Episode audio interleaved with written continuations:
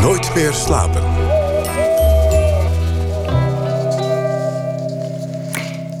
Hij heeft een carrière om van te dromen. Op de planken en op het scherm. Robert de Hoog. Komende maand gaat bij toneelgroep Amsterdam het stuk Husband and Wives in première. De beroemde film van Woody Allen over de manieren waarop stellen uit elkaar vallen, elkaar weer vinden of zichzelf verliezen. En Robert de Hoog speelt Michael, een buitenstaander zou je kunnen zeggen, die naar binnen stapt. Robert de Hoog werd geboren in 1988. Daar vergissen wij ons steeds in, maar het is echt waar. En kwam al op jeugdige leeftijd bij het toneel terecht. En in zijn eerste film Skin zie je met terugwerkende kracht eigenlijk waarom hij destijds toch een betrekkelijk onbekende direct een gouden kalf won.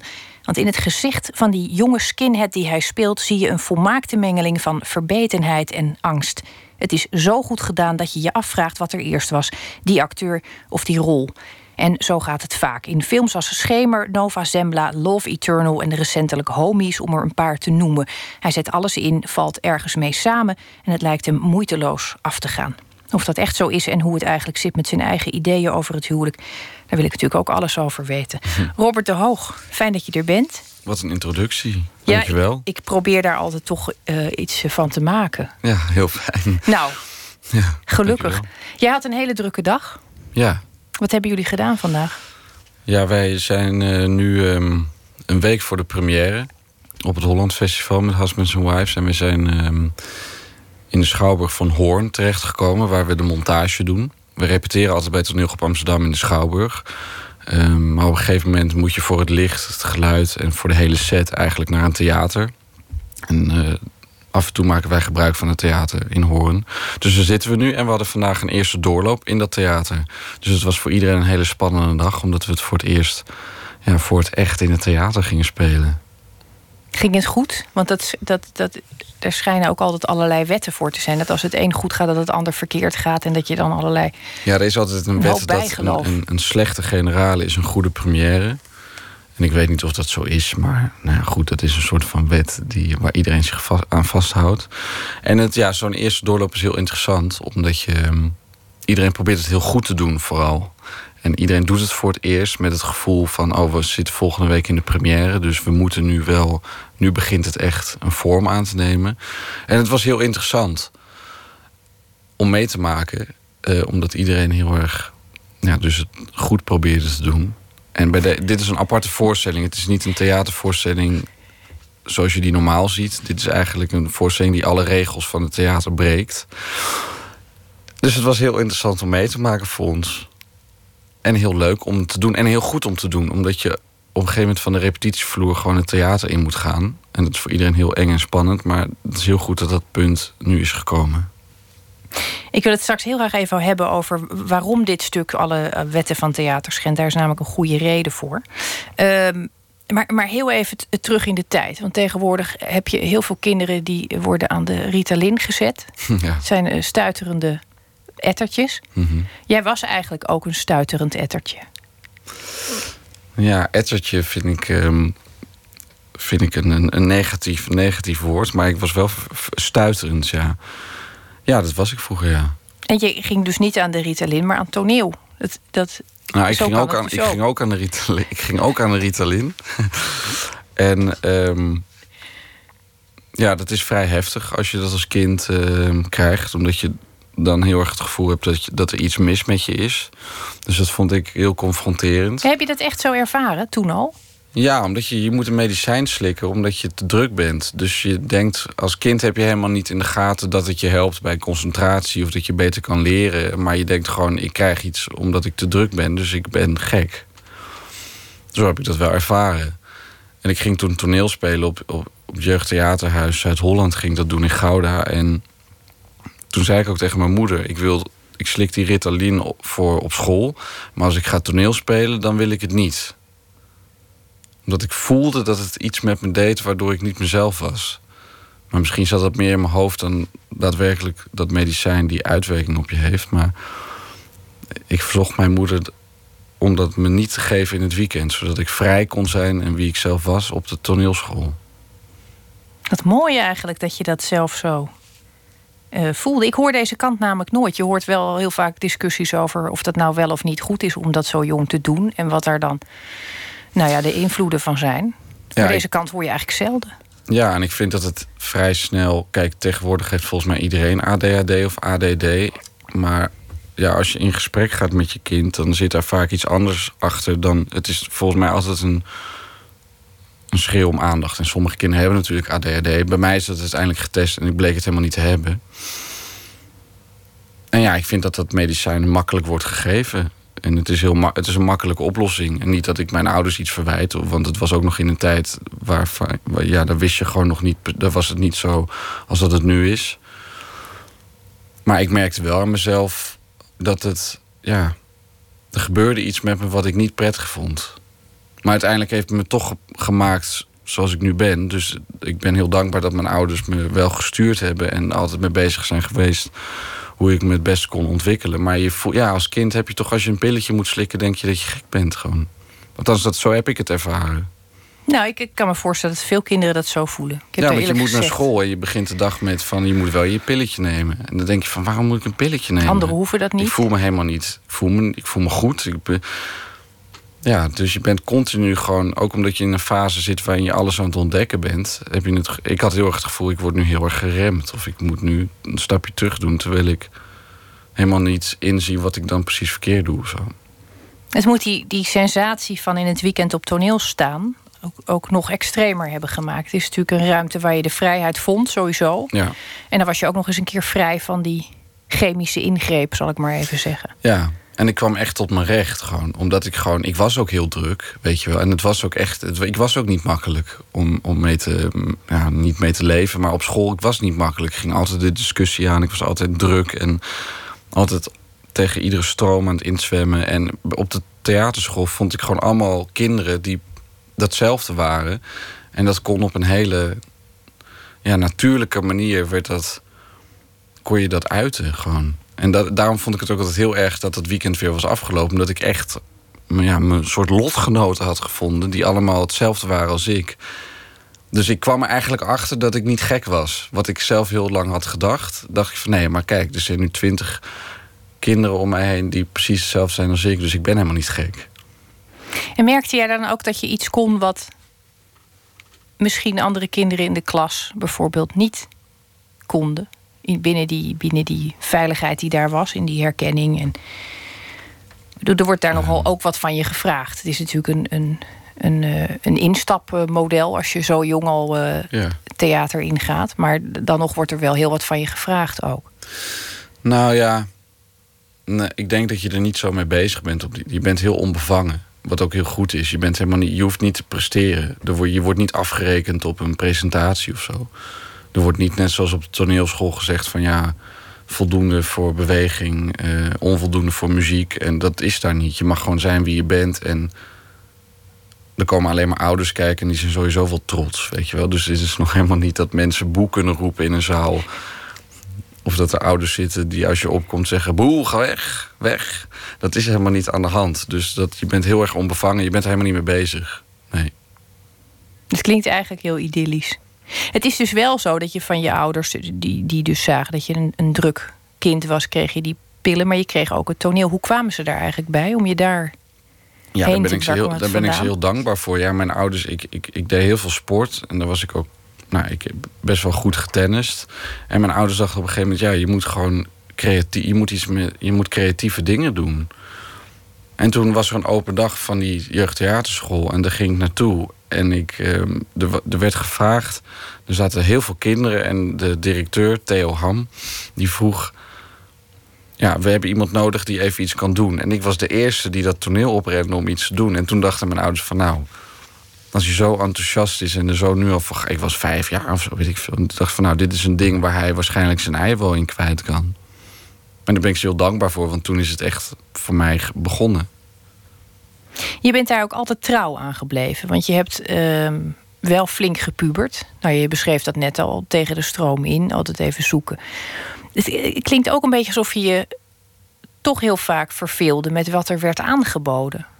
Alsof die, die nou ja, alsof je toch een beetje probeerde de werkelijkheid net iets spannender te maken dan die. Ja, nou ja, ik had, ik had een rijke fantasie, die heb ik nog steeds. Nee, maar het is ja. En zeker ook omdat ik op school heel druk was en dat leraren niet precies wisten hoe ze met me om moesten gaan, werd ik een niveau lager gezet. Omdat ze dachten van nou, het is wat makkelijker voor hem. Dus misschien concentreert hij zich dan iets meer op die, op die lessen. Maar ja, dat, dat, dat gebeurde natuurlijk niet, want het was te makkelijk voor me. Dus ik ging me alleen maar meer misdragen. En um, ja, en, en, en het, in het toneel groeide dat. Mijn interesse voor het toneel groeide eigenlijk alleen maar, werd steeds groter. Ja, want daar was je dus trouw aan. Dus je deed allerlei dingen. Je, je, was op school eh, moeilijk, je ging met slechte jongens om. Nou ja, dat, alle, alle dingen die je dan doet als je, als je flink pubert. Mhm. Maar dat toneel, dat bleef. Dat bleef, ja. En dat, was een soort van kern. Dat werd een kern in mijn, in mijn hart en in mijn ziel, waarvan ik gewoon wist ik vond het ook altijd heel belangrijk dat alle gekkigheid die ik op school deed en alle dingen die daar gebeurden. Maar er mocht niks gebeuren in dat weekend. Dat was voor mij heilig. Dus als er een tegenslag was, dat, dat was, niks was zo belangrijk als die toneelschool in het weekend. Dus alles moest daarvoor wijken. En ik was ook echt een veel leuker mens op die toneelschool. Daar was ik helemaal niet vervelend. Terwijl ik op school heel vervelend was. Maar op de toneelschool helemaal niet. Dus ik merkte ook steeds meer dat het ik voelde me gewoon echt een fijn mens. En als je ouder wordt, ga je dat meer op waarde schatten. Dan als je jong bent, ben je daar niet zo mee bezig. Maar ik dacht van, ik voel me prettig. Dus dit gevoel wil ik heel graag bij me houden. Dat wil ik eigenlijk iedere dag voelen. Dus naarmate de jaren vorderden, begon ik dat steeds belangrijker te vinden. Het is ook wel, het heeft iets heel radicaals om daarvoor te kiezen. Want je, ehm, het is natuurlijk de, de plek waar je je het prettigst voelt. Maar je kwam natuurlijk, op een gegeven moment kom je ook tot de conclusie: als ik dit wil, dan moet ik alles geven daarvoor. Dan moet ik alles ehm, laten zien. Het is natuurlijk ook gewoon een heel. Nou ja, ik vond het altijd een heel kwetsbaar gedoe ook. Ja, is, is het ook. Maar. Ja, ik, ik, ik, ik, het, het is ik vind het niet zo heel radicaal, omdat het gewoon. Ik ben altijd heel dankbaar geweest dat ik dat vanaf zeer jonge leeftijd wist. Mijn zusje heeft bijvoorbeeld heel, heel, heel lang getwijfeld over wat ze nou precies moest, moest doen. En mijn leeftijdsgenoten ook, mijn vrienden ook. En ik wist altijd al, eigenlijk al vanaf dat ik tien jaar oud was, dit is wat ik wil doen. En er moet zich maar net op het juiste moment een kans voordoen dat je het ook daadwerkelijk echt kan gaan doen. En dat gebeurde bij mij gelukkig. Maar ik wist, het al, ik wist altijd al, ik moet acteur worden. Of ja, voor de, er was geen andere optie. Dat was gewoon de enige optie. Dus dat zat in mijn kern. Net zoals iemand die vanaf zijn vijfde voetbalt en die daar heel goed in is. En op een gegeven moment naar een profclub gaat. Ik dacht van dit is gewoon waar ik alles voor wil opgeven. Dat klinkt, ja, dat klinkt misschien raar als je dat als jongetje van tien hebt, maar dat gevoel had ik gewoon echt daar ben ik heel blij mee, want ik heb heel veel vrienden van mij zien worstelen met wat ze nog steeds. Wat, wat moet ik nou doen of wat wil ik nou? Of, ik ben heel blij dat ik sinds mijn tiende al gewoon die zekerheid heb van ik wil acteur worden. Ik vind het wel mooi dat je het omschrijft als je kern. Ik heb altijd gedacht, je moet allerlei laagjes eh, afbellen aan, aan, aan wat je aan acteren doet. Om een beetje sociaal leuk mee te komen met de mensheid. Dus je hebt allerlei rollen, speel je de hele dag. Mhm. Als je die allemaal afpelt, kom je bij je kern. Maar bij jou het eigenlijk, als je alle lagen afbelt, in, in de kern zit een acteur. Ja, en ik. En daarom ben ik ook echt heel blij dat ik toneelgroep Amsterdam heb gevonden. Of dat ik de kans krijg om bij toneelgroep Amsterdam te werken. Omdat er voor mij bestaat er niet zoveel buiten mijn vrienden die waar ik zeer veel van hou, die zijn belang, heel belangrijk voor me. Net zoals mijn familie. Maar daarnaast is er niks. En alleen maar theater en spelen. Voor de rest is er echt niks. En alles moet ook nog steeds daarvoor wijken. Je noemde het, ehm, want dat is natuurlijk in jouw geval, je, je kunt daar ontzettend goed over meepraten. Het begint het verschil tussen, tussen film en toneel. Je noemde theater wel het puurste ambacht. Ja. Het is een. Ehm, ik, ik, ik denk wel een vorm waar de meeste mensen dichterbij zullen komen, letterlijk. Je ruikt het zweet, je ziet wat er gebeurt. Waarom is het voor jou de, de, puurste, de puurste vorm? Ja, ik, ben, ik ben ehm, mijn carrière eigenlijk begonnen met films. Ik heb veel gefilmd. Dus ik had ook nog nooit theater gedaan. Dus ik wist ook niet heel goed wat dat betekent. Ik ging wel naar het theater, maar ik wist niet wat het betekende om als acteur op het toneel te staan. En toen ik bij het toneel op Amsterdam begon, toen heb ik daar zeer snel een liefde voor ontwikkeld. Omdat het, het is zo uniek dat je iets maakt en iets speelt wat op één avond plaatsvindt. En de dag daarna speel je dezelfde voorstelling, maar het is nooit meer hetzelfde als de dag ervoor. Je maakt het met die mensen op dat moment mee. Dat geeft zoveel voldoening. En het, nou, het is echt, het is iedere avond uniek. En dat voel je ook aan het publiek wat er komt. Ook als ze het goed vinden of slecht vinden, er gebeurt altijd iets. En bij film is toch ja, je komt op de set en je doet je dingen. Je mag het een paar keer overdoen als het fout gaat. En uiteindelijk gaat de regisseur het nog monteren. Dus je hebt het ook eigenlijk. Ik kan mijn rol bijvoorbeeld heel stoer spelen in een film. Maar de regisseur kan het zo monteren dat ik eruit zie als een heel bang iemand. Bewijs. Dus je hebt dat niet in je eigen hand. En dat is het fijne aan toneel. Alles wat je doet, heb je zelf in de hand. En het moet op dat moment gebeuren. En als acteur zijn is dat fantastisch om dat iedere avond te mogen doen. Husbands and Wives, laten we het daar even over hebben. Dat is de, de, het is een schitterende film. Het is herkenbaar, het is ontzettend droevig. Het is ook ontzettend grappig om naar te kijken. Um, kende jij de film voordat dit uh, op je pad kwam? Ja, ja, ik ben een Woody Allen fan, dus ik, um, ik had de film gezien. En ik vond het ook. Ik, wij krijgen altijd een geruime tijd van tevoren bij nog op Amsterdam te horen welke um, voorstellingen er gemaakt gaan worden het komende seizoen. En toen hoorden we dat Husbands and Wives. Dus ik hoopte al heel erg dat ik erin zou zitten. Nou, gelukkig was dat ook zo. En ja, ik vind het een fantastische film. Je kan het, je kan het vergelijken met Who's Afraid of Virginia Woolf of Scènes uit een huwelijk. Er zitten zoveel verschillende facetten in van theater. En ja, ik vind het, ik vind het een van de beste films die Woody Allen wel gemaakt heeft. Het was vlak voor zijn breuk met uh, Mia Farrow dat hij deze film maakte. Ja. Toch, je, je vermoedt dan toch dat hij. Ja, het gaat er ook heel erg over. Ontzettend kon putten uit uh, eigen visie. Ja. Um, het, het, het merkwaardige is natuurlijk dat dit is een film en die uh, komt vervolgens op het theater. Dan wordt er meestal een bewerking van gemaakt. Of een theaterversie zou je kunnen zeggen. In dit geval blijven jullie ontzettend dicht bij het origineel. Hoe zit dat precies? Um, nou, dat is wel het grap. Daar verbaas ik me ook wel eens over. Ik hoor heel vaak. Kijk, theaterteksten hebben bijvoorbeeld de teksten van Shakespeare. Nou, Shakespeare is al geruime tijd dood. Dus die teksten zijn dan rechtenvrij. Die mag je gewoon gebruiken. Dat werkt volgens mij ook zo met muziek. Na een bepaalde tijd wordt dat rechtenvrij. Maar bijvoorbeeld teksten van Woody Allen of Arthur Miller en zo. Daar, zitten heel veel rechten op. En er zijn ook nog heel vaak mensen bij Arthur Miller weet ik bijvoorbeeld dat de familie van Arthur Miller daar nog heel erg op zit. Dus als je een stuk van hem wil spelen, moet je echt aan hun toestemming vragen. Dan moet je ze ook geld betalen voordat je dat stuk mag spelen. En bij Woody Allen is het ook zo. En volgens mij gebeurt het ook niet heel vaak dat een film van hem in het theater komt. Dus als zij dat verkopen, dan zijn er heel veel regels aan verbonden. Dus het is helemaal niet zo makkelijk om dat maar op het toneel te brengen. Dus wij moesten ook echt met het filmscript werken. Wij mochten daar niet een eigen verhaal van maken. Dus als we Husbands and Wives wilden maken, moest het ook echt Husbands and Wives zijn. Maar het is natuurlijk heel moeilijk, want je, ja, het is een filmscript. Wat bedoeld is voor een film, wat je nu op het toneel gaat brengen. Maar Simon Stone, eh, een hele jonge regisseur, die. Ehm, Australische, Australische regisseur. En vorig seizoen Medea bij ons, waar Marieke Hebink een, um, een Theodorve heeft gewonnen, heeft hij bij ons geregisseerd. En die heeft dat op een zeer slimme manier heeft hij dat bewerkt. Zodat we eigenlijk een soort film op het theater, op, de, op het toneel brengen. Ja, want je loopt in zo'n proces, nog even los van, van uh, alles wat je hoopt dat het gaat worden en dat het gaat doen in zo'n zaal, loop je tegen allerlei merkwaardige aspecten op. Bijvoorbeeld, hoe, hoe, hoe, hoe doe je een flashback op, op toneel? Ja, nou ja, het stuk begint letterlijk met.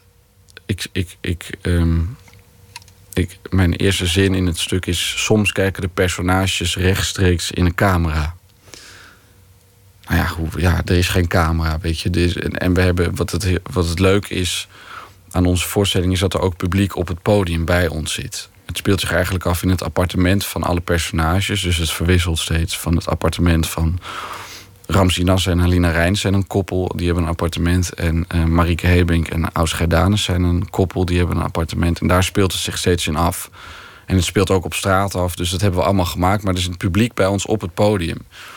En wij praten ook de hele tijd met het publiek. Als bijvoorbeeld e- een van die stelletjes ruzie heeft met elkaar, dan kunnen ze ook aan het publiek vragen: van zie je nou wel wat ze doet? Ik zeg toch al de hele tijd dat ze een verschrikkelijke vrouw is. Nu zie je het ze. Dus we betrekken de hele tijd. Het publiek is eigenlijk de camera. En dat is heel interessant en ook heel, heel spannend voor ons, omdat gewoon het publiek letterlijk bij ons op schoot zit in de scène. Dus het is voor ons heel spannend. Er komen ook volgens mij aanstaande dinsdag komen er voor, de voor het eerst mensen op die stoelen zitten. Dus dat vinden we allemaal heel spannend en heel leuk. Uh, maar dat, dat is wel een hele goede vorm. Omdat je met dat script moet werken, dat filmscript moet werken, kan je dat ook niet uitvlakken. Je kan dat niet eruit gaan gooien. Het is ook gewoon een film. Dus het vergt ook een andere manier van spelen. Wat, wat merk je dan zelf bijvoorbeeld wat je, wat je nu moet doen, wat je daarvoor niet hoefde? Of wat je nu moest aanleren dat je daarvoor niet, niet kon? Nou, je moet vooral heel veel dingen loslaten. Als je echt een. Als je Othello speelt bijvoorbeeld, dat zijn zulke mooie teksten en dat, dat, dat kan je in een bepaald soort setting. Maar dit is gewoon een setting zoals wij nu met elkaar praten. Zoals je ons nu hoort praten, zo is dat stuk ook. Dat zijn alleen maar dat soort dialogen. Als jij een zin moet leren, bijvoorbeeld met de kroon zit in de vergulde kast met een sleutel van weet ik. Ja, dat, is, dat zijn van die teksten die je heel snel uit je hoofd leert. Maar nu hebben we alleen maar zinnen van alsjeblieft, ik meen het niet. Uh, laten we wat gaan eten in het park. Dus dat is voor ons ook heel moeilijk om te leren. En omdat ja, je moet het ook niet te theatraal maken. Omdat het eigenlijk, het is eigenlijk een soort documentaire waar je naar zit te kijken. Dus dat is voor ons heel lastig, omdat we dat natuurlijk. Ja, we zijn daar gewoon in getraind om dat wel te doen een theatrale manier. Dus het is voor ons best wel spannend. Maar ook heel leuk en heel fris en uitdagend om dat eens te proberen. Hey, en je werkt met, met Simon Stone. Wat voor man is dat? Wat voor energie neemt deze regisseur mee? Ja, het is echt een soort wervelwind is het. En ook nog af en toe ook echt een, een klein jongetje in een, in een, um, in een speelgoedwinkel. Hij is heel fris en heel leuk. En als hij iets leuk vindt of heel blij is, dan huppelt hij af, af en toe ook gewoon echt door het theater. En dan is hij, hij regelt alles zelf. Dus hij is continu aan het bemoeien met het geluid en het licht. En dan is er iets op het toneel wat moet veranderen. En dan loopt hij het toneel op en dan gaat hij dat doen. En, maar hij laat ook ons heel veel dingen zelf doen. Wat ook spannend is voor ons, omdat we graag geregisseerd worden. En dat doet hij ook heel erg. Maar hij laat ook heel veel aan onszelf over. En dat is, dat is heel leuk. En hij heeft echt een jonge manier van denken. Dat merken we vooral heel erg. Hij is heel jong van geest. Dus dat is ontzettend leuk om mee te maken. En, en zit dat jonge van geest, zit het dan in het, in het feit dat hij het een, een, een, toch ook voor een deel een groepsproces wil laten zijn? Dat het minder hiërarchisch is? Of moet ik me daar iets anders bij voorstellen?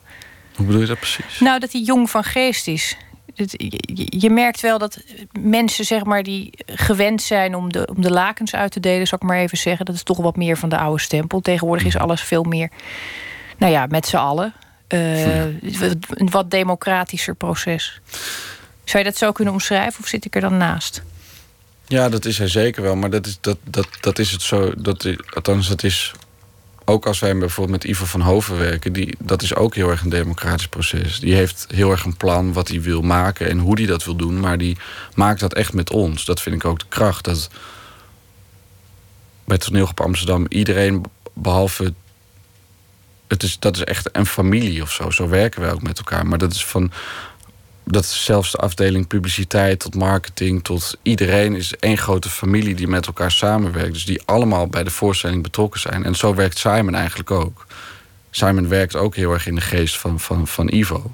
Maar heeft een hele eigen manier van, van werken, omdat hij gewoon 32 is. Dus hij huppelt door het theater. Nou, dat, dat heb ik Ivo nog niet heel vaak zien doen. En hij laat ons heel erg ons eigen ding doen, maar hij regisseert het ook wel echt hij brengt wel structuur aan. En hij zegt, hij, hij laat wel duidelijk zien wat hij wil hebben en hoe hij het wil hebben.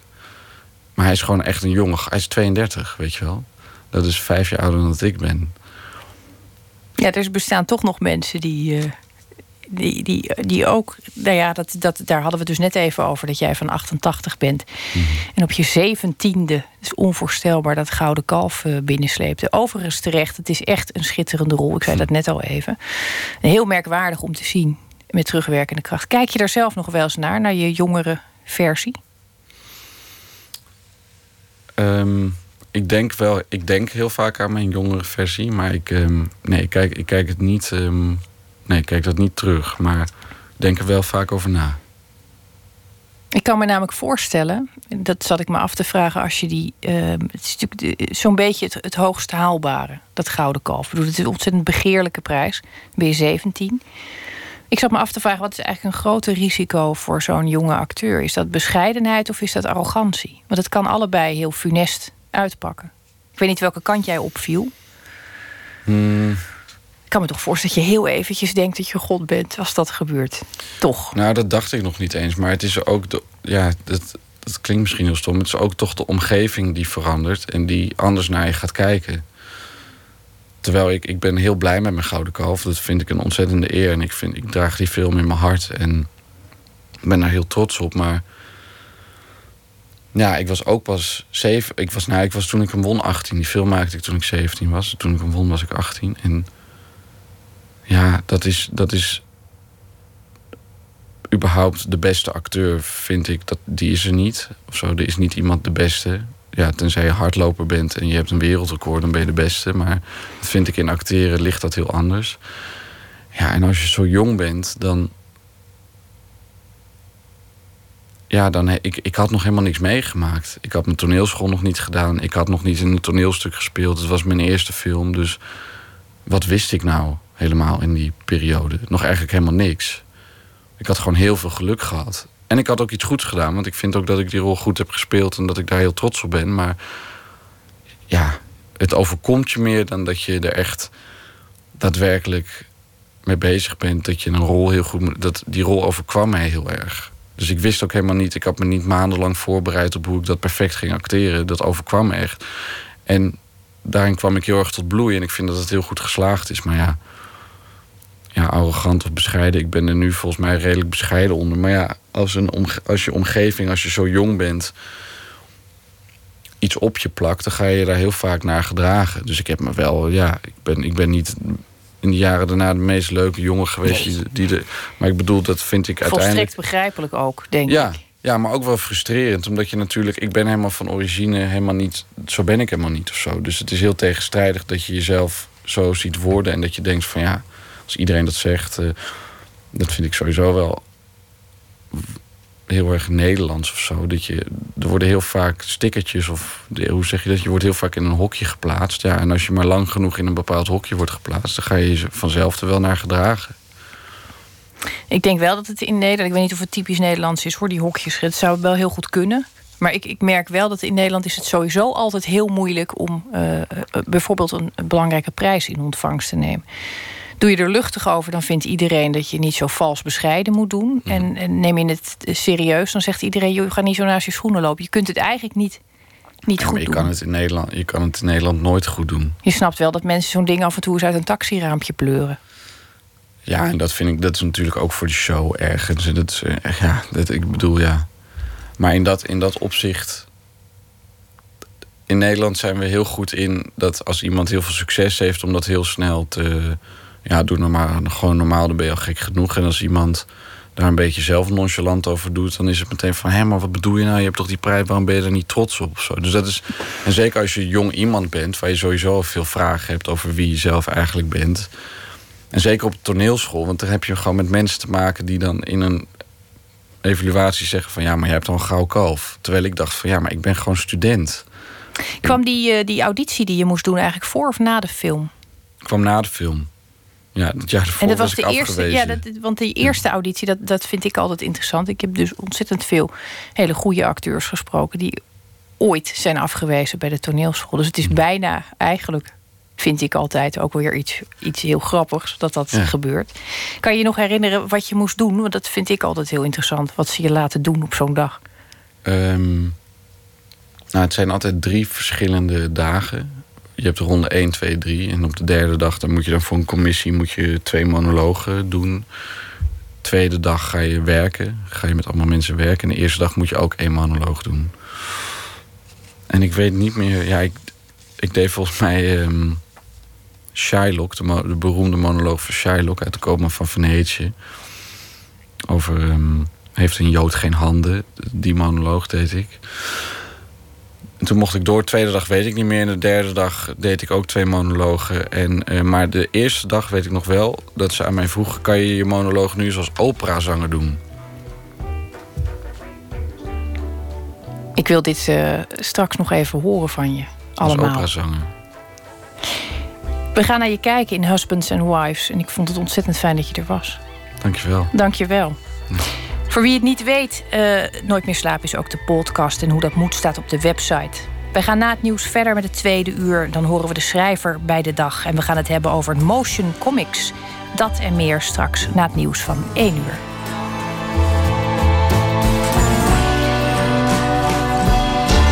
Op Radio 1, het nieuws van alle kanten.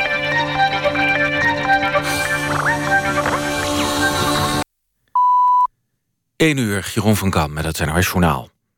Een 22-jarige vrouw uit Utrecht zit sinds maart vast in Qatar. De advocaat van haar familie zegt in Metro dat ze is gearresteerd... nadat ze aangifte deed van een verkrachting. Het ministerie van Buitenlandse Zaken bevestigt de arrestatie... maar benadrukt dat er nog geen tenastenlichting is. De advocaat zegt in de krant dat de vrouw wakker werd in een vreemd appartement... mogelijk nadat ze was gedrogeerd. Toen de vrouw aangifte deed tegen de man... werd zowel hij als zijzelf opgepakt, zegt de advocaat. Verkrachting wordt in Qatar beschouwd als buitenechtelijke seks... en is daarom voor beide partijen strafbaar. In de gevangenis in Vught heeft opnieuw gedetineerde zelfmoord gepleegd. Het is de tweede zelfdoding in het complex in nog geen maand tijd. De gedetineerde zat op de psychiatrische afdeling, schrijft de Omroep Brabant. Volgens het ministerie van Veiligheid en Justitie hing hij zichzelf dinsdag op en overleed hij gisteren. Op 12 mei maakte een man van 50 uit Breda een einde aan zijn leven in de extra beveiligde inrichting. Hij zat ook op de psychiatrische afdeling. Frankrijk is het EK in eigen land met een zege begonnen. In Saint-Denis werd Roemenië moeizaam verslagen met 2-1. Het bleef lang gelijk, maar op de valreep slaagde Dimitri Payet erin... de beslissende goal te maken. In Louisville is een grote herdenkingsdienst begonnen voor bokser Muhammad Ali. Er zijn zo'n 15.000 gasten. Onder hen oud-president Bill Clinton, oud-voetballer David Beckham... Arnold Schwarzenegger en voormalig president Karzai van Afghanistan. Muhammad Ali is een besloten kring begraven in zijn geboorteplaats Louisville. Voorafgaand eraan werd Ali's stoffelijke overschot... langs belangrijke plaatsen uit zijn leven gereden. Zoals een geboortehuis, zijn eerste sportschool en zijn middelbare school. Meer dan 100.000 mensen bewezen hem de laatste eer langs de route. Het weer, het is vrijwel overal bewolkt. Op sommige plaatsen valt mogelijk een spat regen. Het is vannacht een graad of 12. Morgen overdag is het bewolkt en wordt het een graad of 19. Het blijft morgen vrijwel overal droog... maar zondag trekken er buien over het land. Dit was het NOS Journaal. NPO Radio 1. VPRO. Nooit meer slapen.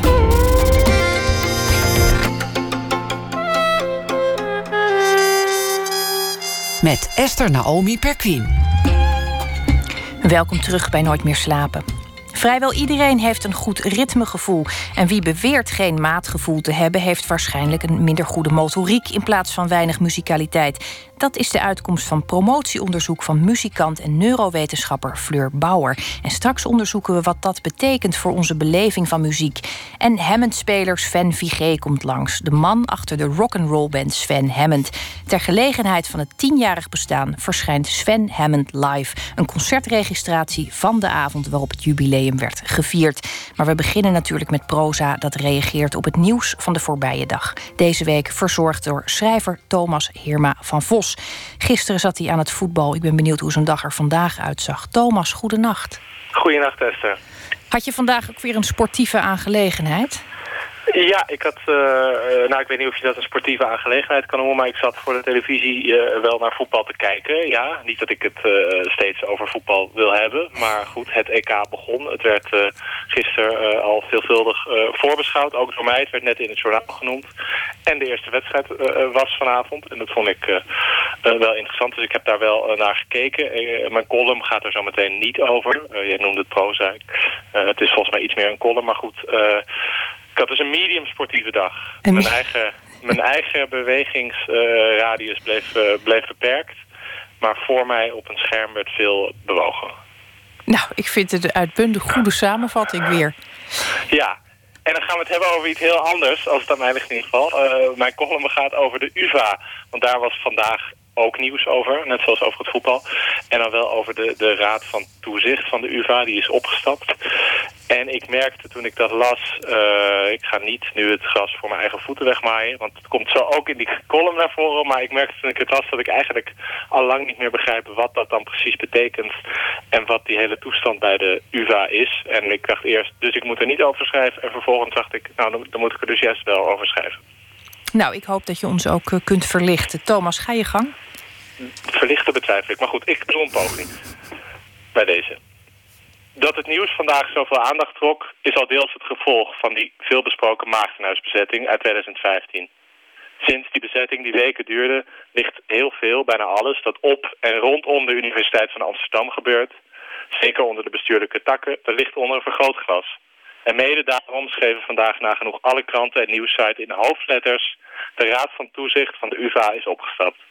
Dat bericht werd juichend ontvangen ontvangen. Pardon. Zeker door sympathisanten van de Maagdenhuisbezetting. Tegelijk, misschien is het mijn wantrouwende aard, betrap ik mezelf op de gedachte, wat betekent dit nu eigenlijk? Wat verandert dit nu eigenlijk? Het probleem waarmee de hele discussie over bestuur van de UvA begon, jaren geleden alweer, is dat moderne universiteiten geregeerd worden door één idee. Een idee dat er geleidelijk is ingeslopen. Namelijk dat de universiteiten zich zo verleidelijk mogelijk moeten aanbieden aan de buitenwereld met potentiële studenten als consumenten.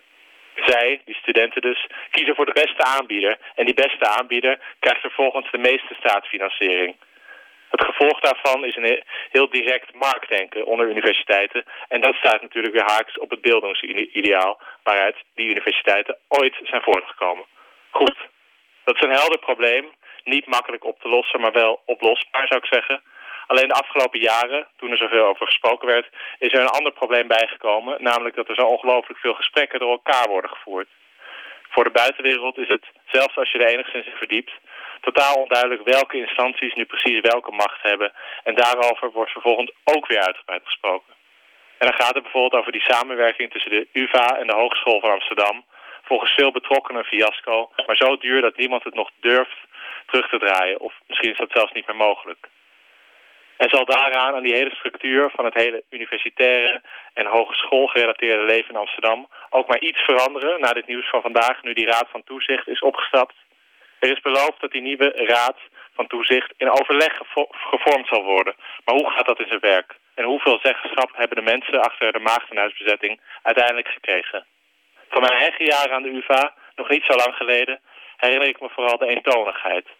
De geest dode de herhaling.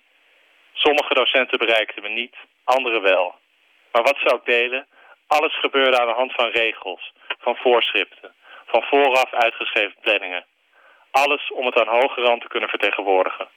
En volgens mij is er veel meer voor nodig dan een enkel wisselend bestuur... een enkele raad van toezicht die verandert... of een kleine bezetting om die gedachten te kunnen uitroeien. Thomas Heerma van Vos, dank je wel. Heb jij ooit geprotesteerd als student? Nee. Uh, en ik zou in mijn verdediging kunnen zeggen dat ik net afgestudeerd was... bijvoorbeeld tijdens die Maagdenhuisbezetting. Dus toen dat echt begon te leven. Anderzijds, ik denk ook... ik ben eigenlijk van overtuigd dat als ik toen wel nog studeerde... dat ik ook niet in het Maagdenhuis uh, was ingetrokken. Nee. Het, het, lijkt me ook altijd een beetje hinderlijk dat je dan niet kan douchen. Maar dat, dat, geeft mij alweer, dat maakt mij alweer duidelijk dat ik niet geboren ben voor dit soort uh, acties. Nee, als je er bij voorbaat al aan denkt... Ja, nee, dat komt nooit meer goed. Nee, dat is de afweging tussen hygiëne en rebellie. Ja, lijkt me een mooie afsluiting van de week. Thomas, dank je wel voor je bijdrage en ik wens je een hele goede nacht. Hetzelfde, dank je wel. De Britse band The Last Shadow Puppets bracht onlangs een tweede plaat uit. Everything You've Come to Expect. En daarvan draaien wij het nummer Miracle Aligner.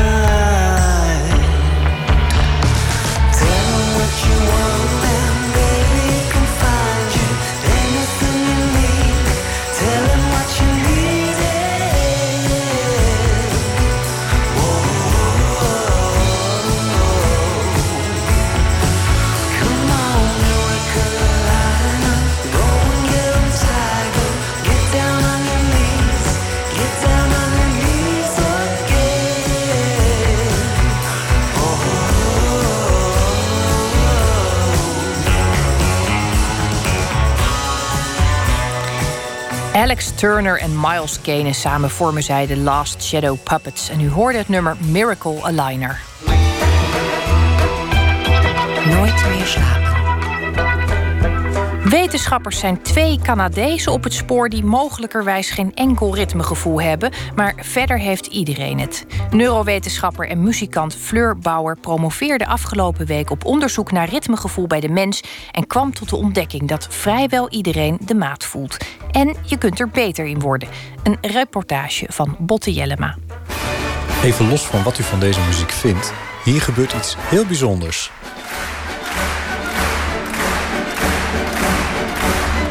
In neurowetenschappelijk opzicht.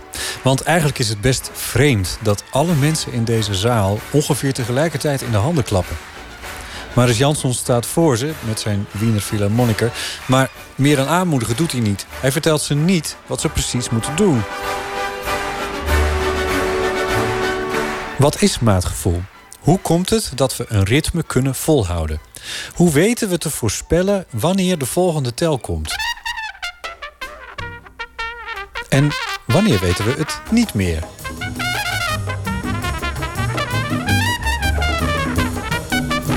Nou, maatgevoel, dat is iets wat heel makkelijk lijkt en heel fundamenteel lijkt. Uh, kleine kinderen die hebben maatgevoel en die kunnen meeklappen met muziek en zo. Um, en dat lijkt dus eigenlijk iets wat, wat heel fundamenteel voor mensen is. Neurowetenschapper en muzikant Fleur Bauer promoveert erop. En wij wilden weten, uh, ja, is dat nou zo fundamenteel? Kan iedereen dat? Uh, kunnen we het ook zonder aandacht? hebben we er muziekles voor nodig? Kan het bij iedere soort muziek? Of hangt dat er vanaf hoe die muziek in elkaar zit? Haar proefschrift heet What do we need to hear a beat? Wat hebben we nodig om een ritme te horen? Uh, nou, niet zo heel veel eigenlijk. Uh, bijna iedereen kan het wel. Uh, je hebt geen muziekles nodig. Je hebt zelfs geen aandacht nodig. We hebben in ons lab hebben we mensen getest. Die hebben we een film laten kijken. En dan vooral geïnstrueerd niet op ritmes te letten. En dat waren mensen die nooit muziekles hebben gehad. En dan nog konden we meten dat dat brein de maat oppikt. Ergens geef je ook een voorbeeld van de Radetzky-mars, hè? Ja, dat klopt. En dat is ook typisch zo'n muziekstuk waar het heel duidelijk is waar de tel zit. Want daar is het harder en dan spelen alle instrumenten en uh, het ritme klopt ermee. En nou ja, dat, uh, dan kan inderdaad echt bijna iedereen de maat horen.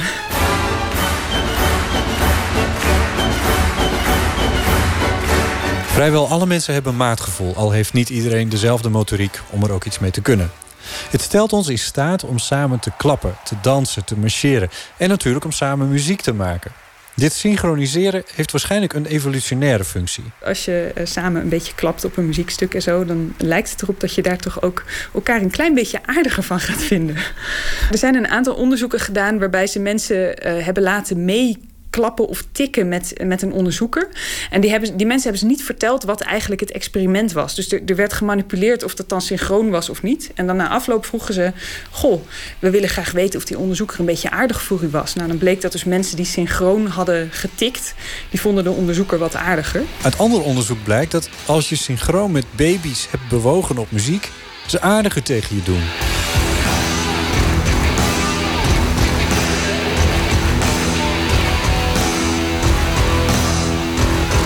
Niettemin komt er bij ritmisch meeklappen wel wat kijken.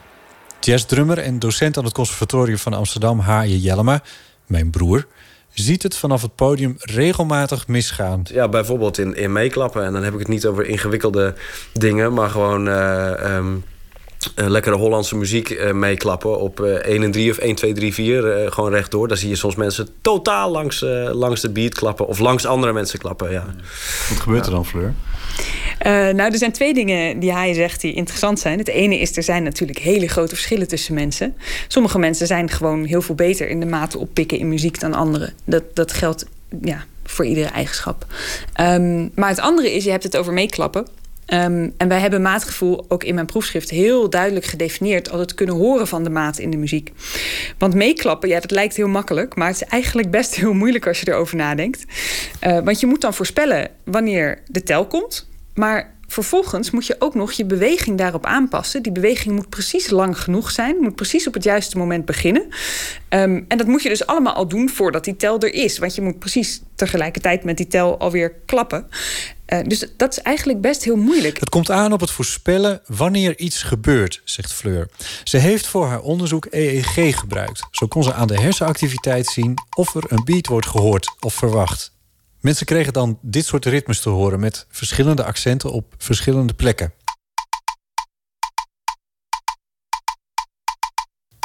En de hersenactiviteit liet dan zien of we een beat horen of niet. En waar we dan specifiek in geïnteresseerd waren, is een signaaltje wat het brein uitstuurt als het verbaasd is over iets wat er in het geluid om zich heen gebeurt. Dat heet de mismatch negativity. Mhm. Nou, die kan je meten. En we weten dat als je de maat hoort in muziek, dat je dan dus hele sterke voorspellingen doet. Je verwacht dat er een, een noot zit op de tel. En je verwacht niet dat er iets heel hards gebeurt wat niet op de tel zit. Um, dus wat we kunnen doen, is we kunnen bijvoorbeeld iets weglaten.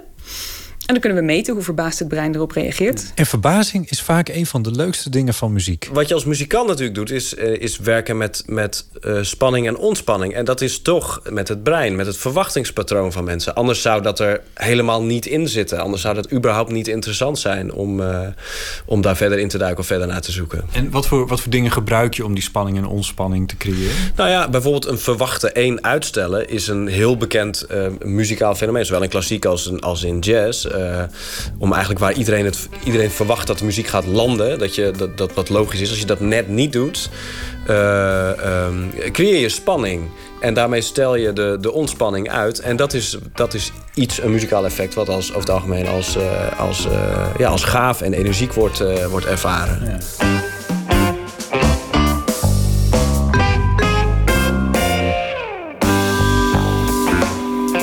Hier speelt Haaien een jazznummer met de band Vinnie Vibes. En waar je de eerste tel verwacht, speelt hij even niets.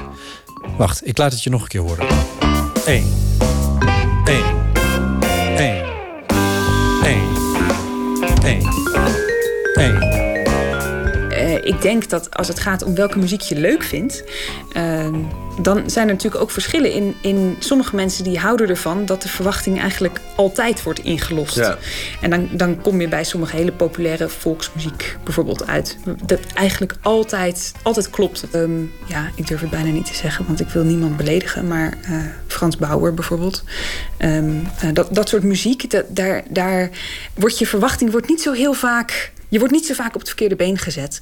Um, en heel veel mensen vinden dat juist heel prettig. Dat, dat vindt het brein ook best wel prettig, dat het gewoon altijd klopt. Um, maar er zijn natuurlijk ook mensen die, die dat juist niet prettig vinden. Ja, dat, dat is smaak. Dat is precies waar het verschil eigenlijk in zit. Van welke muziek vind je nou leuk?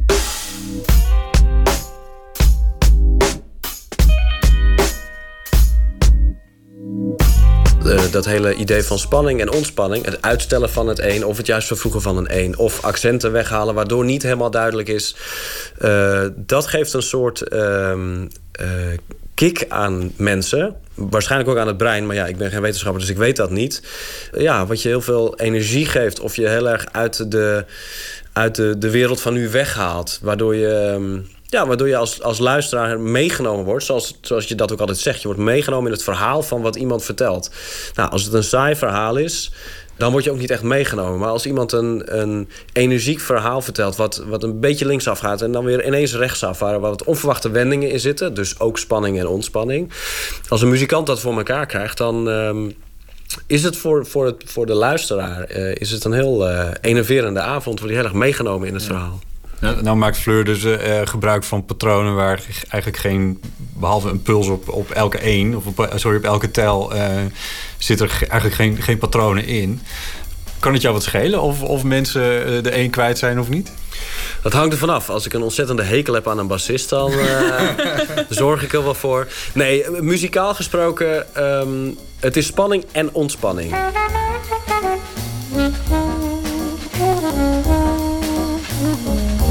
Zonder één geen twee, zonder berg geen dal. Dat voelt iedereen wel, zo ontdekte Fleur. Muzikanten spelen met de verwachtingen van hun publiek. En je kan jezelf oefenen in het luisteren. In de, in de jaren 50, 60 had je Dave Brubeck die uh, met, uh, uh, na een, een, een, reis door de wereld met vijf kwarts en, en zeven achtste en negen achtste maatsoorten onregelmatig verdeeld aankwam. Daar, voor muzikanten is dat nu niet, niet heel interessant meer qua ritmiek. Maar in die tijd was dat nog nooit eerder gebeurd. Dus dat was heel vernieuwend in die tijd. Je, je hoort ook dat ze dat heel voorzichtig en heel, heel degelijk aanpakken hoe ze, hoe ze die maatsoorten allemaal spelen.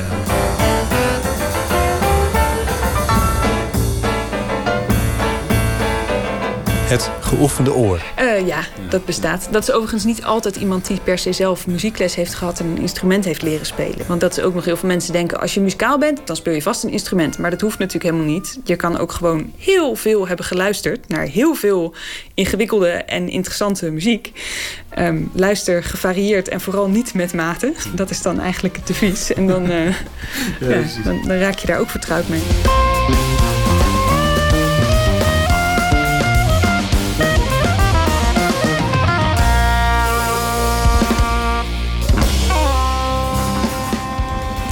Luister gevarieerd en vooral niet met mate. Dat is het advies van Fleur Bauer. Zij is de afgelopen week gepromoveerd in de neurowetenschappen op het ritmegevoel van de mens. En u hoorde ook Haje Jellema, jazzdrummer en docent aan het Conservatorium van Amsterdam. Een bijdrage was dit van Botte Jellema. De Haagse rock'n'rollband Sven Hammond bestaat tien jaar. In februari gaf de band een jubileumconcert in het Paard van Trooien in Den Haag. En de concertregistratie van die avond is nu ook als album uitgebracht. Straks is hier Hammond-speler Sven Vigé gast, de voorman van de band. We gaan eerst luisteren hoe dat eigenlijk live klinkt. Dit is Down and Dirty.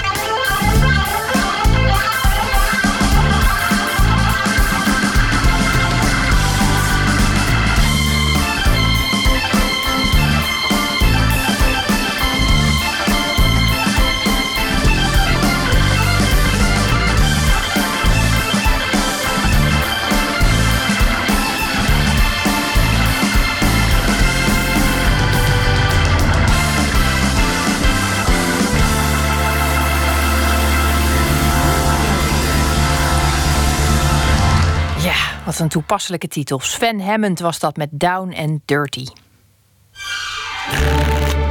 Open kaart.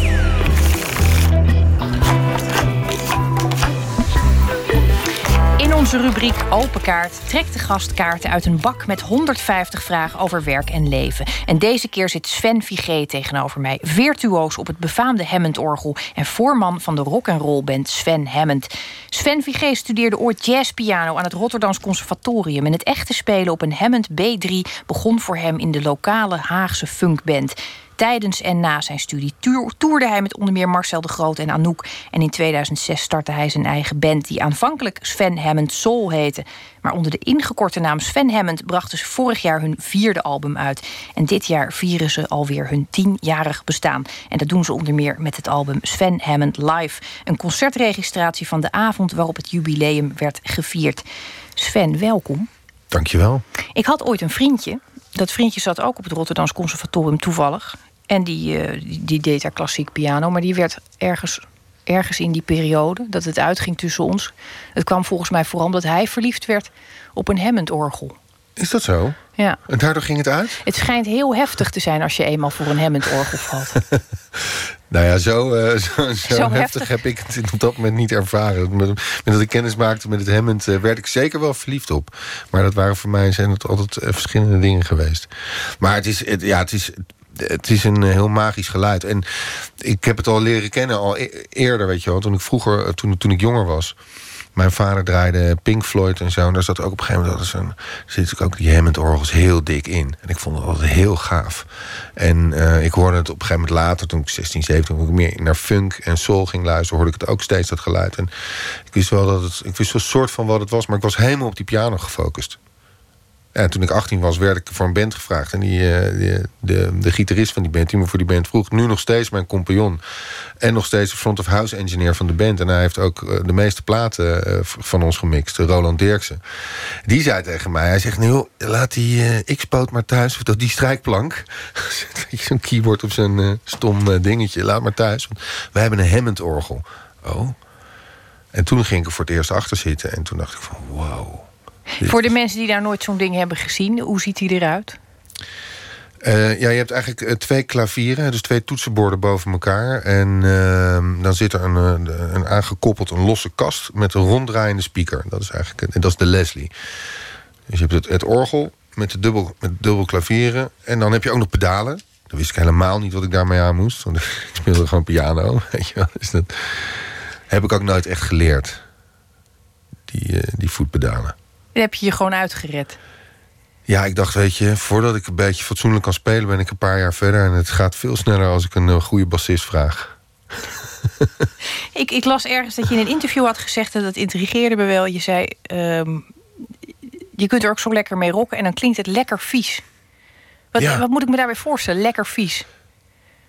Een lekker vies geluid is het. Ja, wat moet je je voorstellen het, bij lekker is het vies? Dik? Is het, is het het dikke wat je... Dat, dat, dat... Lekker vies is, een, is een, een druipende hamburger, weet je wel. Waarna je denkt van, gadverdamme. Maar je, terwijl je hem eet, denk je, oh, lekker. En daarna denk je, gadverdamme, en alles zit onder, weet je wel. Het is, het is een hele dubbele sensatie. Het is net zoals met dat geluid, weet je. je, je het is heel dik en ranzig en goor en, en verre van netjes. Maar het is gewoon lekker. Ik heb werkelijk nog nooit iemand zo treffend een geluid horen omschrijven als jij zojuist hebt gedaan. Het is ook gewoon de cue om de bak met kaarten okay. open te trekken. Hier komen we okay. namelijk niet meer overheen, over deze beschrijving. Uh, ik zou zeggen, bezegel je eigen lot. Ik ben heel benieuwd. Trek een uh, kaart, alsjeblieft. Ik pak gewoon de voorste. Dat is ook wel eens uh, goed. Welke rol had je als kind in het gezin? ik was de oudste. Ik ben nog steeds de oudste van de kinderen. Ik heb één broer, een jongere broer. Uh, welke rol had ik in het gezin? Nee, je, je, je, verwacht bij de oudste altijd dat het de verantwoordelijke is en de netjes en degene die overal de regels moet zien te breken, terwijl de jongste daar gewoon in glijdt natuurlijk. Ja, zeker. Zeker. Ik was ook wel een dominant pestkop hoor. Ik ben vervelend geweest. Maar dominant in de zin dat je de regie wilde voeren? Of, ja, en alles moest ontdekt worden en gedaan. En uiteindelijk ben ik veel meer de rebel. En, en was mijn, mijn broer eigenlijk, mijn broertje... Mijn broer zeggen, want hij is inmiddels 38. Uh, zegt, Hoeveel ja, schelen jullie? We schelen 2,5 jaar ongeveer, ietsje ja. minder. Twee jaar, drie maanden. Ja. Ja, dat, welke rol had je in het gezin? De eerstgeborene, de oudste. Je bent toch degene die alles als eerste ontdekt. Die de weg vrijmaakt. Die wat meer uh, de confrontatie aan moet gaan. Ook met, uh, met je ouders natuurlijk. En een jonger broertje kan er wat rustiger onderdoor laveren, weet je wel. En die ziet dan hoe jij uh, je kop stoot. Weet je, oh, zo moet het niet. Oké, dan doe ik De En, en de grote broer is weer de, de, de, de, ja, de dominator, weet je wel. En wij zijn, ik, ben, ik ben er met mijn broertje ook wel weer helemaal... We hebben er hele open gesprekken over gehad. Later, toen we, toen we wat ouder waren. We zijn nu echt super close. Was het een muzikaal nest eigenlijk? Ja, zeker. Mijn uh, vader speelt piano een beetje. Mijn moeder speelt echt, goed, echt best wel goed piano. Mijn uh, opa, de vader van mijn moeder, daar heb ik het echt van. Die speelt echt heel goed. Die kon waanzinnig improviseren en zo. Die door... heb je dus ook gekend en, en zien? Ja, ja, ja, zeker. Die is, uh, even kijken, ja, toen ik begin 30 was overleden. En uh, ja, die heeft me echt geïnspireerd. Die heeft me aangezet, zeg maar. Die heeft dat, die heeft dat knopje eh, omge, omgeduwd. Ik dacht echt van, zo, dit is echt zo cool wat hij kan.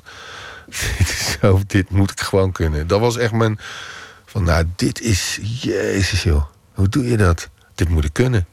Hoe oud was je toen? Zes, vijf, denk ik. Jee, dat is heel vroeg. Toen ik hem dat zag doen, toen dacht ik van zo, dit is zo vet zat hij achter die piano, zat hij spelen, te improviseren. En hoorde muziek op de radio en dan ging hij gewoon mee. En dan, en dan stopte de muziek en ging hij door en ging hij een beetje zingen. En hij speelde een beetje in die stijl van Earl Hines. Ik weet niet, um, Earl, Earl Fata Hines, echt zo'n oude, uh, een van de eerste generatie jazz stride piano. Dat stride is dat je met je linkerhand doen, chik, doen, chik, doen, chik. Weet je, je speelt met je pink speel je een basnoot.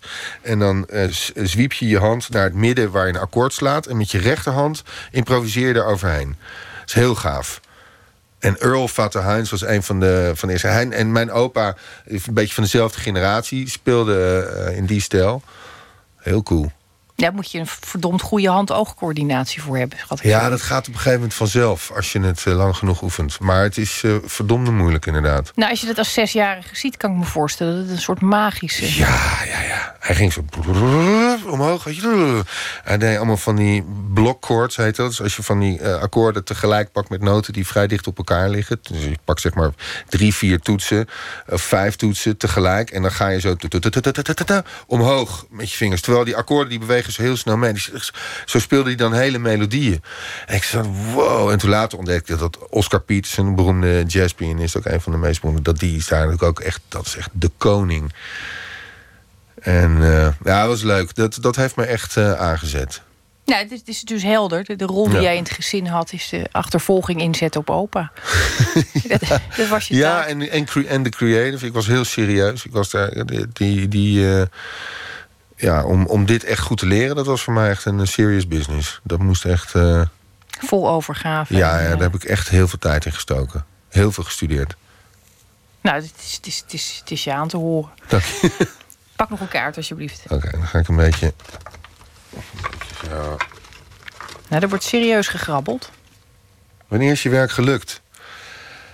Um, als ik mensen zie genieten, zeg maar. Als ik zie dat uh, als, als ik aan het spelen ben, als we aan het spelen zijn... en ik zie allemaal mensen lekker zo ogen dicht, weet je wel. Of je hebt een uitverkochte zaal, weet je.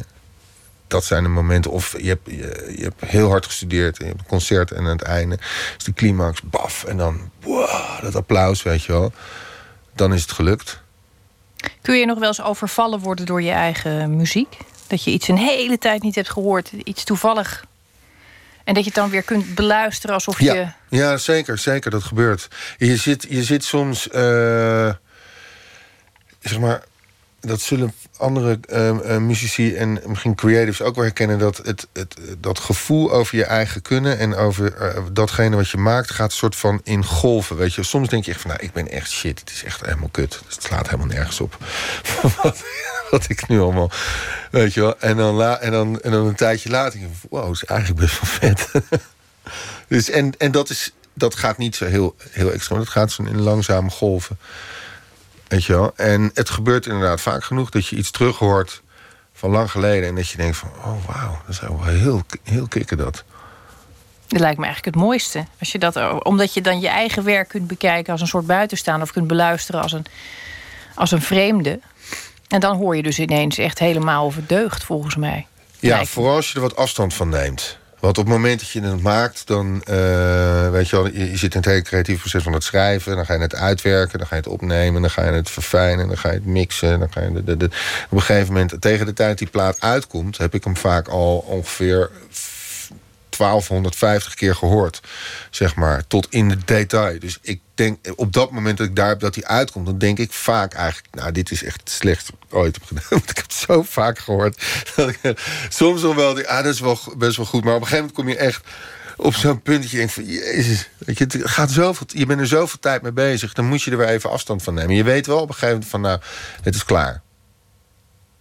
Maar uh, je... Uh, ja, nou, het is niet zo dat je denkt, het is het slechtste wat ik ooit gedaan heb. Ik, over, ik chargeer een beetje. Nee, dat, dat begrijp maar, ik. maar je, ja, je, je, je, kan dat soms wel hebben op een gegeven moment. Omdat je er zo diep in bent gaan. Dan heb je echt even die afstand nodig. En sommige dingen later, als je terug denk je... ja, nee, dat was inderdaad niet zo heel goed. En, en iets anders denk je van, oh, dat is eigenlijk wel, wel vet. Het blijft tobben. Ja. Uiteindelijk. Ja, zeker. Oké, nog een kaartje. Hoe ver reiken je ambities? Oh, dat is een interessante uh, vraag. Het is ook altijd een lastig woord, vind ik, ambities. Je kunt dat heel uh, ja. positief uitleggen als de, de wens ja. om ergens te komen. Maar het heeft ook altijd een beetje een, nou ja, een heigerige lading, vind ik ook. Iemand die ambitieus is, vind ik dan niet altijd per se een je wil heel graag, uh, je hebt bepaalde milestones die je in gedachten hebt van nou, dat, dat, dat zou ik eh, willen bereiken. En je merkt vaak, als dan, als je dan denk van, oh ja, toen zei ik van als ik dat bereik, nou dan, weet je, dan heb je dat gedaan. En dan denk ik van, oh was dat, nou, dan komt het volgende weer, weet je wel. Dus ik heb wel geleerd dat echt het belangrijkste is dat je heel erg geniet van de, van de reis. En enjoy the, the moment, weet je wel. Want als je te veel de hele tijd met de next big thing, de next big thing bezig bent, dan word je, word je daar de hele tijd. En dat geeft een bepaalde onrust. Nee, je vliegt overal aan voorbij, omdat je steeds op weg bent naar, naar voren. Ja. En misschien heeft het ook een beetje, ja, ik wil niet oude lullerig klinken. Maar nou, doe maar even wel. Mag het wel? Ja, vind ik lekker. Nou ja, weet je, je bent op een gegeven moment... Ik ben vorig jaar 40 geworden, net 41. En dan denk je ook van, ja, weet je, dat gerennen, gehol. Je ziet die nieuwe generatie die, die nu is opgekomen. Die elke, die, en de songwriting camps en het maken van, weet je. En ik vind het super gaaf om te doen, weet je wel. En ik vind het creëren van nieuwe muziek een van de leukste dingen. Maar um, die Red Race, daar heb ik wel een beetje... Nou, dat hoeft niet per se. Nee, nou, waar, waar, ik de laatste tijd wat mij wel heel gaaf lijkt om te doen, is uh, om iets met filmmuziek te gaan doen. Dat is er nog niet van gekomen. Dat is iets wat eigenlijk al langer in mijn hoofd speelt. Dat lijkt me heel gaaf. Om daar, ik heb geen idee hoe ik daarin raak. Maar er zal vast wel een keer iets op mijn pad hopelijk komen. Of waarschijnlijk met dit soort dingen, als je de wensen uitspreekt om dingen te doen. Want je, dat lijkt me heel gaaf. Kijk, toeren is super kicken. En met z'n allen in zo'n bus gaan en stinken. En van stad naar stad reizen. En weet je, helemaal de gypsy life. Super gaaf. Maar het is ook lekker om op één plek te zitten en heel te intensief bouwen. En heel intensief aan één project te werken, weet je wel. Voor een maand of drie, vier. Ik doe het nu natuurlijk in de studio met het opnemen van albums. Met, met verschillende artiesten, wat ik ook super leuk vind om te doen. Maar de, een, de filmmuziek maken, dat staat nog heel erg hoog op mijn verlanglijstje. Als je nou nog een week hebt, stel, wat wil je dan nog per se? Dus ik hoor nu van... Ja, nee, je hoort nu van mij even. Ik hoor nu van jou, ik, je hebt nog een week en dan ben je de pijp uit, is het gebeurd. Dan neem ik die prachtige vriendin van me mee en dan... Uh... Zie, zien we je niet meer terug. zie je me niet meer terug. nou, dat, dat, dat moet ik even bij zeggen. Je kwam inderdaad met een bloedstollend mooie vriendin binnen. Dus ik kan me daar alles bij voorstellen. Ja, en dan gaan we lekker uit eten en lekker drinken. En uh, dan sluiten we ons op in de kamer. En dan uh, geniet zoveel mogelijk van die laatste week. En dan zou ik misschien nog wel naar een, uh, naar een concert gaan. Als het zich voordoet. Maar weet je, heel vaak plan je van alles. En dan merk je toch van je moet open blijven staan. Voor, en je moet flexibel blijven. Want situaties zijn, zijn constant veranderlijk. En uh, soms is het gewoon juist lekker om met die flow mee te gaan. En dan merk je vanzelf weer waar je uitkomt. We hadden dat vanmiddag nog. Het was echt superleuk. Want we waren uh, ik had een, een, heel Porsche restaurant gereserveerd in Amsterdam. Maar om negen uur kon ik daar pas erin. Ik had echt allemaal dingen. En ik kon nergens meer. Dus ik had gepland van oké, nou, dan gaan we een beetje door het Vondelpark. En dan lopen we daar en dan lopen we En goed, we kwamen bij het Vondelpark. En even een wijntje gedronken. En toen even in het gras gaan liggen. En nog even, en op een gegeven moment lig je een uur, anderhalf uur in het gras. Helemaal chill, weet je wel, helemaal ontspannen. En daarnaast was op een gegeven moment vlak bij het, uh, bij het openluchttheater, weet je wel. Daar was uh, muziek. En toen op een gegeven moment zegt ze, nou, er zijn gasten zijn daar aan het dansen.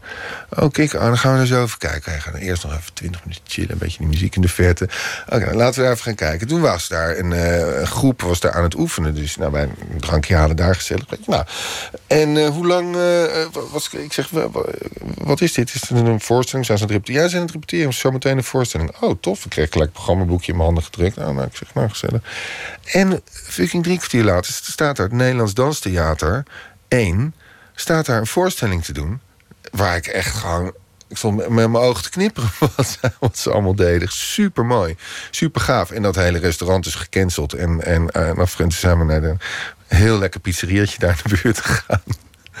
Weet je, om maar het aan te geven van weet je, je kan wel alles bedenken en doen, maar je, soms moet je gewoon met de flow gaan, want dan kom je op de mooiste plekken. Dus als ik nog één week zou hebben, zou ik met de flow gaan. Ik vind het een prachtige afsluiting. Sven Vigé, dank je wel. Ja, uh... Had je nog vragen? Nee, ja, ik heb nog heel veel vragen. Nee, we moeten gewoon afronden. Dat, waar? Is het, dat, dat is het, ja. Hoe kom je naar huis? hey, dankjewel dat je er was. Ja, graag gedaan. En ik vermeld nog even dat het album Sven Hammond Live verkrijgbaar is als CD en LP en natuurlijk ook digitaal te downloaden. Van Sven Hammond naar Julia Jacqueline is een behoorlijke stap. Want Julia Jacqueline woont aan de andere kant van de wereld... bij het Blue Mountains gebergte in Australië. En haar eerste single heet Pool Party. Het is een relaas over drugsgebruik aan de rand van het zwembad. Ja, dat moet u dus niet thuis uitproberen.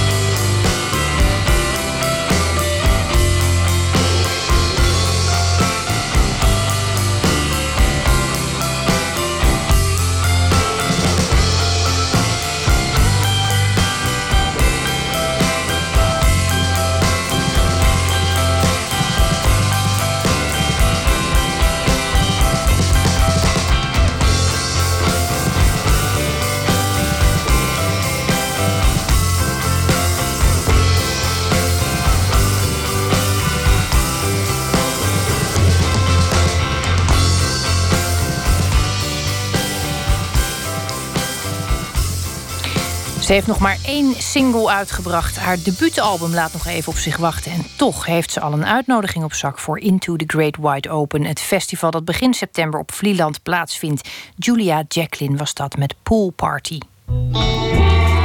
Nooit meer slapen. Tijdens de Haarlemse stripdagen is er veel aandacht voor de nieuwste stripvorm, de motion comics. En de pionier op dit gebied komt uit Australië en noemt zichzelf Sutu. Dit weekend is hij in Nederland om een workshop motion comics te geven en Adinda Akkermans ging er naartoe. Adinda, goeienacht. Goeienacht, Esther. Heb jij daar nog wat opgestoken vandaag? Nou, het is een driedaagse workshop en uh, vanavond was alleen nog de kennismaking. En toen, ik, uh, daar, uh, toen dat klaar was, moest ik me naar Hilversum haasten om hier op tijd bij jou te zijn. Maar dat vond ik eigenlijk niet zo heel erg, want ik stak wel een beetje bleek af tussen de professionele striptekenaars uh, die meedoen, zoals Maaike Hartjes. Die ken je nog wel, denk ik, de winnaar van de Stripschapprijs dit jaar. Misschien ja, wel de beste zeker. striptekenaar van Nederland. Dus je zat daar weer een beetje als een brugklasser tussen de. Ja. Zo voelde het wel, ja. But, hey, um, nou, dat, dat, die onwetendheid die kun je met mij natuurlijk gewoon altijd lekker delen. Wat zijn motion comics precies? Ja, het zijn eigenlijk gewoon interactieve strips met allerlei bewegende beelden en geluiden. Dus uh, de strip zoals je hem kent, maar dan uh, vol met effecten. Op de tentoonstelling Motion Comics The Beginning, die nu ook in Haarlem te zien is, heb je bijvoorbeeld een, een, motion comic waarin je steeds een keuze moet maken over het verloop van het verhaal. neem je bijvoorbeeld een vanille-ijsje, dan loopt het verhaal helemaal goed af. Maar neem je een chocolade-ijsje, dan kan dat wel eens het einde van de wereld betekenen. Uh, nou ja, op die tentoonstelling liep ik ook stripmaker Maaike Barends tegen het lijf. Zij uh, zei dat ze behoorlijk flabbergasted was door wat ze daar zag. Ja, ik ben zelf um, nou ja, tot mijn grote schrik opeens eigenlijk traditioneel striptekenaar. Want ik werk nog gewoon met pen op papier. En dan scan ik het in, bewerk ik het een beetje na. En dat is het dan. En hier zie ik toch wel echt dingen gebeuren. nou ja, ik had niet kunnen verzinnen dat het er zo uit kon zien, dat motion comics. Fantastisch. En als maker ziet het ook als een groot voordeel dat je met een uh, motion comic zelf kunt bepalen hoe lang een lezer naar een uh, plaatje blijft kijken. Ik kijk wel eens naar mensen die een strip lezen of mensen die een strip van mij lezen. En dan word ik altijd een licht gefrustreerd doordat ze zo heel snel door die pagina's heen rausen. Dan denk ik, ja, je moest eens weten hoe lang ik aan zo'n pagina gewerkt heb. En jij ja, leest hem in drie uh, seconden uit. En op deze manier hou je inderdaad een beetje meer de regie in handen op dat gebied. Ja, Adinda, dit is natuurlijk zijn kenners aan het woord. Maar wat vond jij ervan als gewone lezer? Ik moet eerlijk zeggen dat ik wel een klein beetje sceptisch was uh, aanvankelijk. Want hoe nieuw is het nou eigenlijk? Strips met effecten. Is dat niet gewoon hetzelfde als een uh, animatiefilmpje? Maar nee, zeiden de organisatoren uh, resoluut. Een strip bestaat altijd uit opeenvolgende plaatjes. En dat is heel essentieel. Daar had ik nog nooit zo over nagedacht. Want juist tussen die, tussen die plaatjes, tussen het ene en het andere plaatje uh, kan er heel veel gebeuren in je hoofd als, uh, als kijker. Maar goed, hoe dan ook. Ik moet toegeven dat ik behoorlijk onder de indruk was van uh, deze motion comics die ik vandaag zag. En, en, wat waren de aspecten waar je dan met name door geraakt werd? Nou, ik kan wel even een voorbeeld geven van een verhaal. These Memories Won't Last. Van die uh, Sutu, waar ik het eerder over had. Hij heeft een verhaal gemaakt over zijn dementerende opa. Een heel mooi getekend uh, beelden sowieso. Maar wat het extra bijzonder maakt, is dat als je bijvoorbeeld terug wil scrollen in het verhaal. Dus volg je het nog? Dus je, je scrolt door de tekeningen en dan scroll je terug. Dan verdwijnen langzaam verdwijnen die beelden. Dus een beetje alsof je dement wordt. En je probeert terug te gaan naar je herinneringen, maar het verdwijnt allemaal. Je kan het niet meer grijpen. Die frustratie, die voel je heel erg als kijker. En op een gegeven moment uh, wordt die opa in het verhaal ook nog eens psychotisch. En uh, zie je hoe hij, hoe hij, op een brancard naar het ziekenhuis wordt gereden. Maar tegelijkertijd zie je en hoor je de flarden uit de tijd dat hij vocht in de Tweede Wereldoorlog. Nou, echt heel gaaf gedaan, vond ik. En uh, nou ja, niet voor niets genomineerd voor de Eisner Award, de Oscars van de stripwereld. And so my grandfather, he's a, he's a war survivor from World War II. And as these survivors pass away, we lose the memory of that war. And now we're entering into new wars. And if we don't have these memories, what's going to prevent us from um, stopping these new wars? We need these stories to prevent us from going into new wars. And that's why it was so important to me. And also so important to my grandfather because during the time that I wrote this story, the Australian government had sent uh, new fighter bombers off to Iraq. And my grandfather just looked at me and said, What have I even lived for?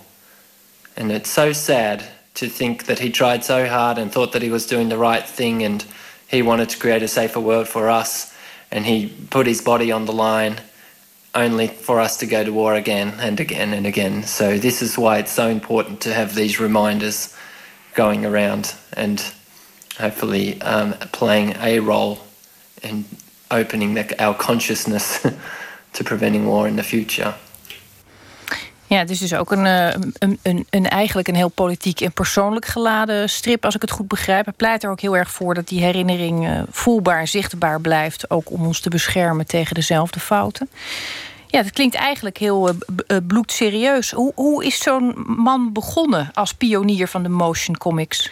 Hij is een dertiger. de eerste generatie die meer achter het internet zat dan dat ze strips lazen. en dat is dan ook wel zijn verklaring. Luister maar. Well, I grew up not reading comics.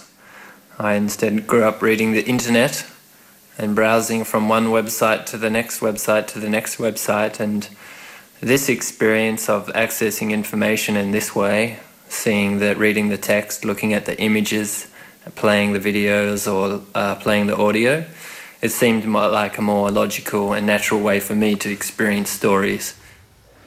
Ja, Adinda, dit, roept toch een beetje de vraag op. Wat, doet dit met de, wat gaat dit doen met de gewone strip? Nou ik sprak daar een striptekenaar Maaike Hartjes over... die dus die workshop ging doen. En die vond dat niet zo'n relevante vraag eigenlijk ja, dat is ook wel, vind ik juist het interessante ervan. Dat de grenzen tussen al die verschillende media steeds meer uh, vervagen. Je kan zeggen, ja, het is een strip. Maar strip is natuurlijk op een bepaalde manier ook al een beetje een boek en een beetje een film.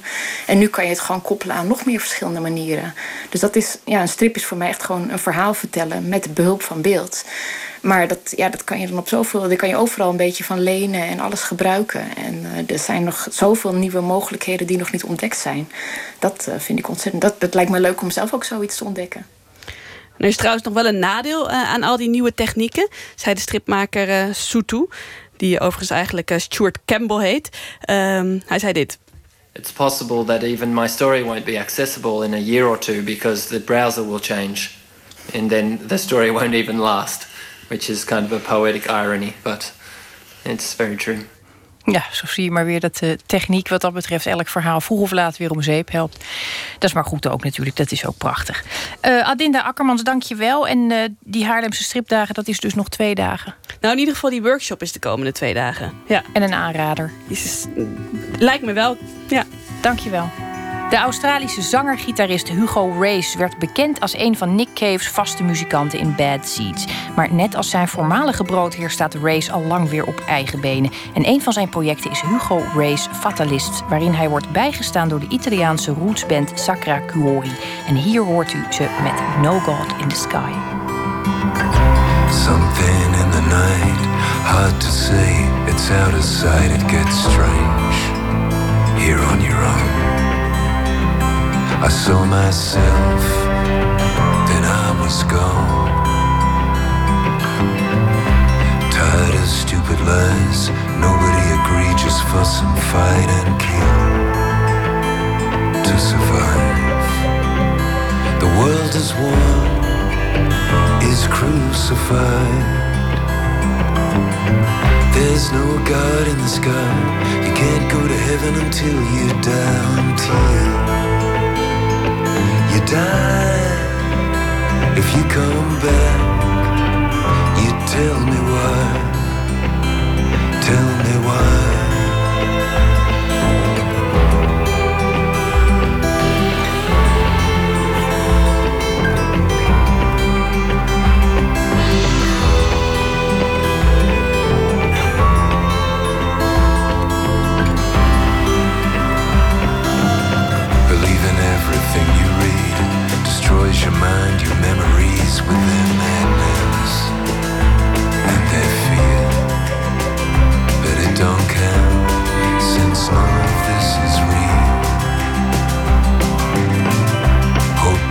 in your eyes.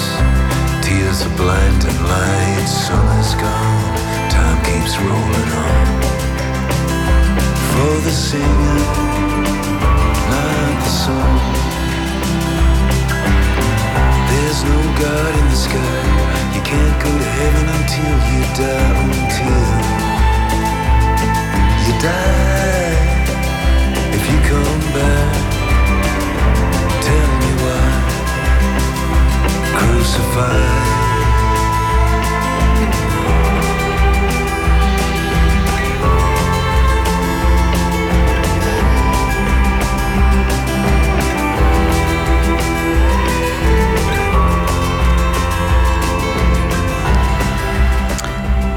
Hugo Race Fatalists waren dat met No God in the Sky. Anne Vechter is al ruim drie jaar dichteres des Vaderlands. En deze week hoort u iedere nacht haar selectie. Ze sluit af met een eigen gedicht. Welkom in Nederland.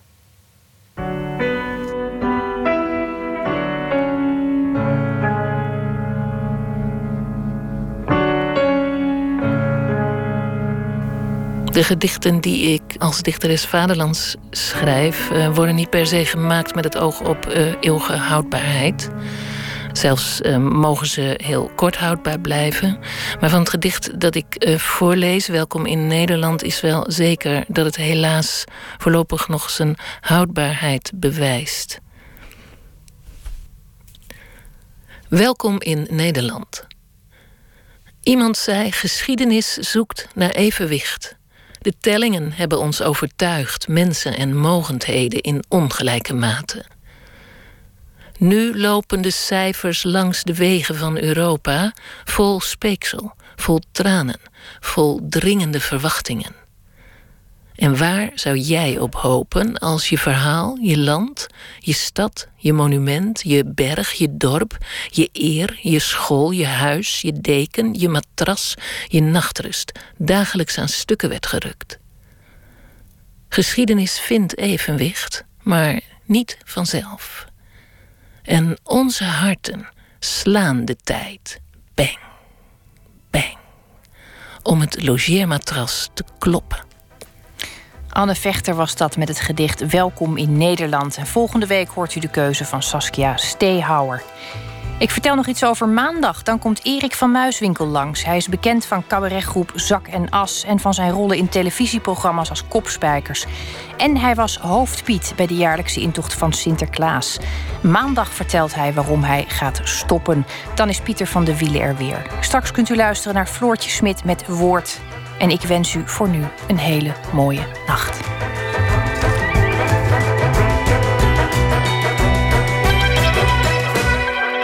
Radio 1, het nieuws van alle kanten.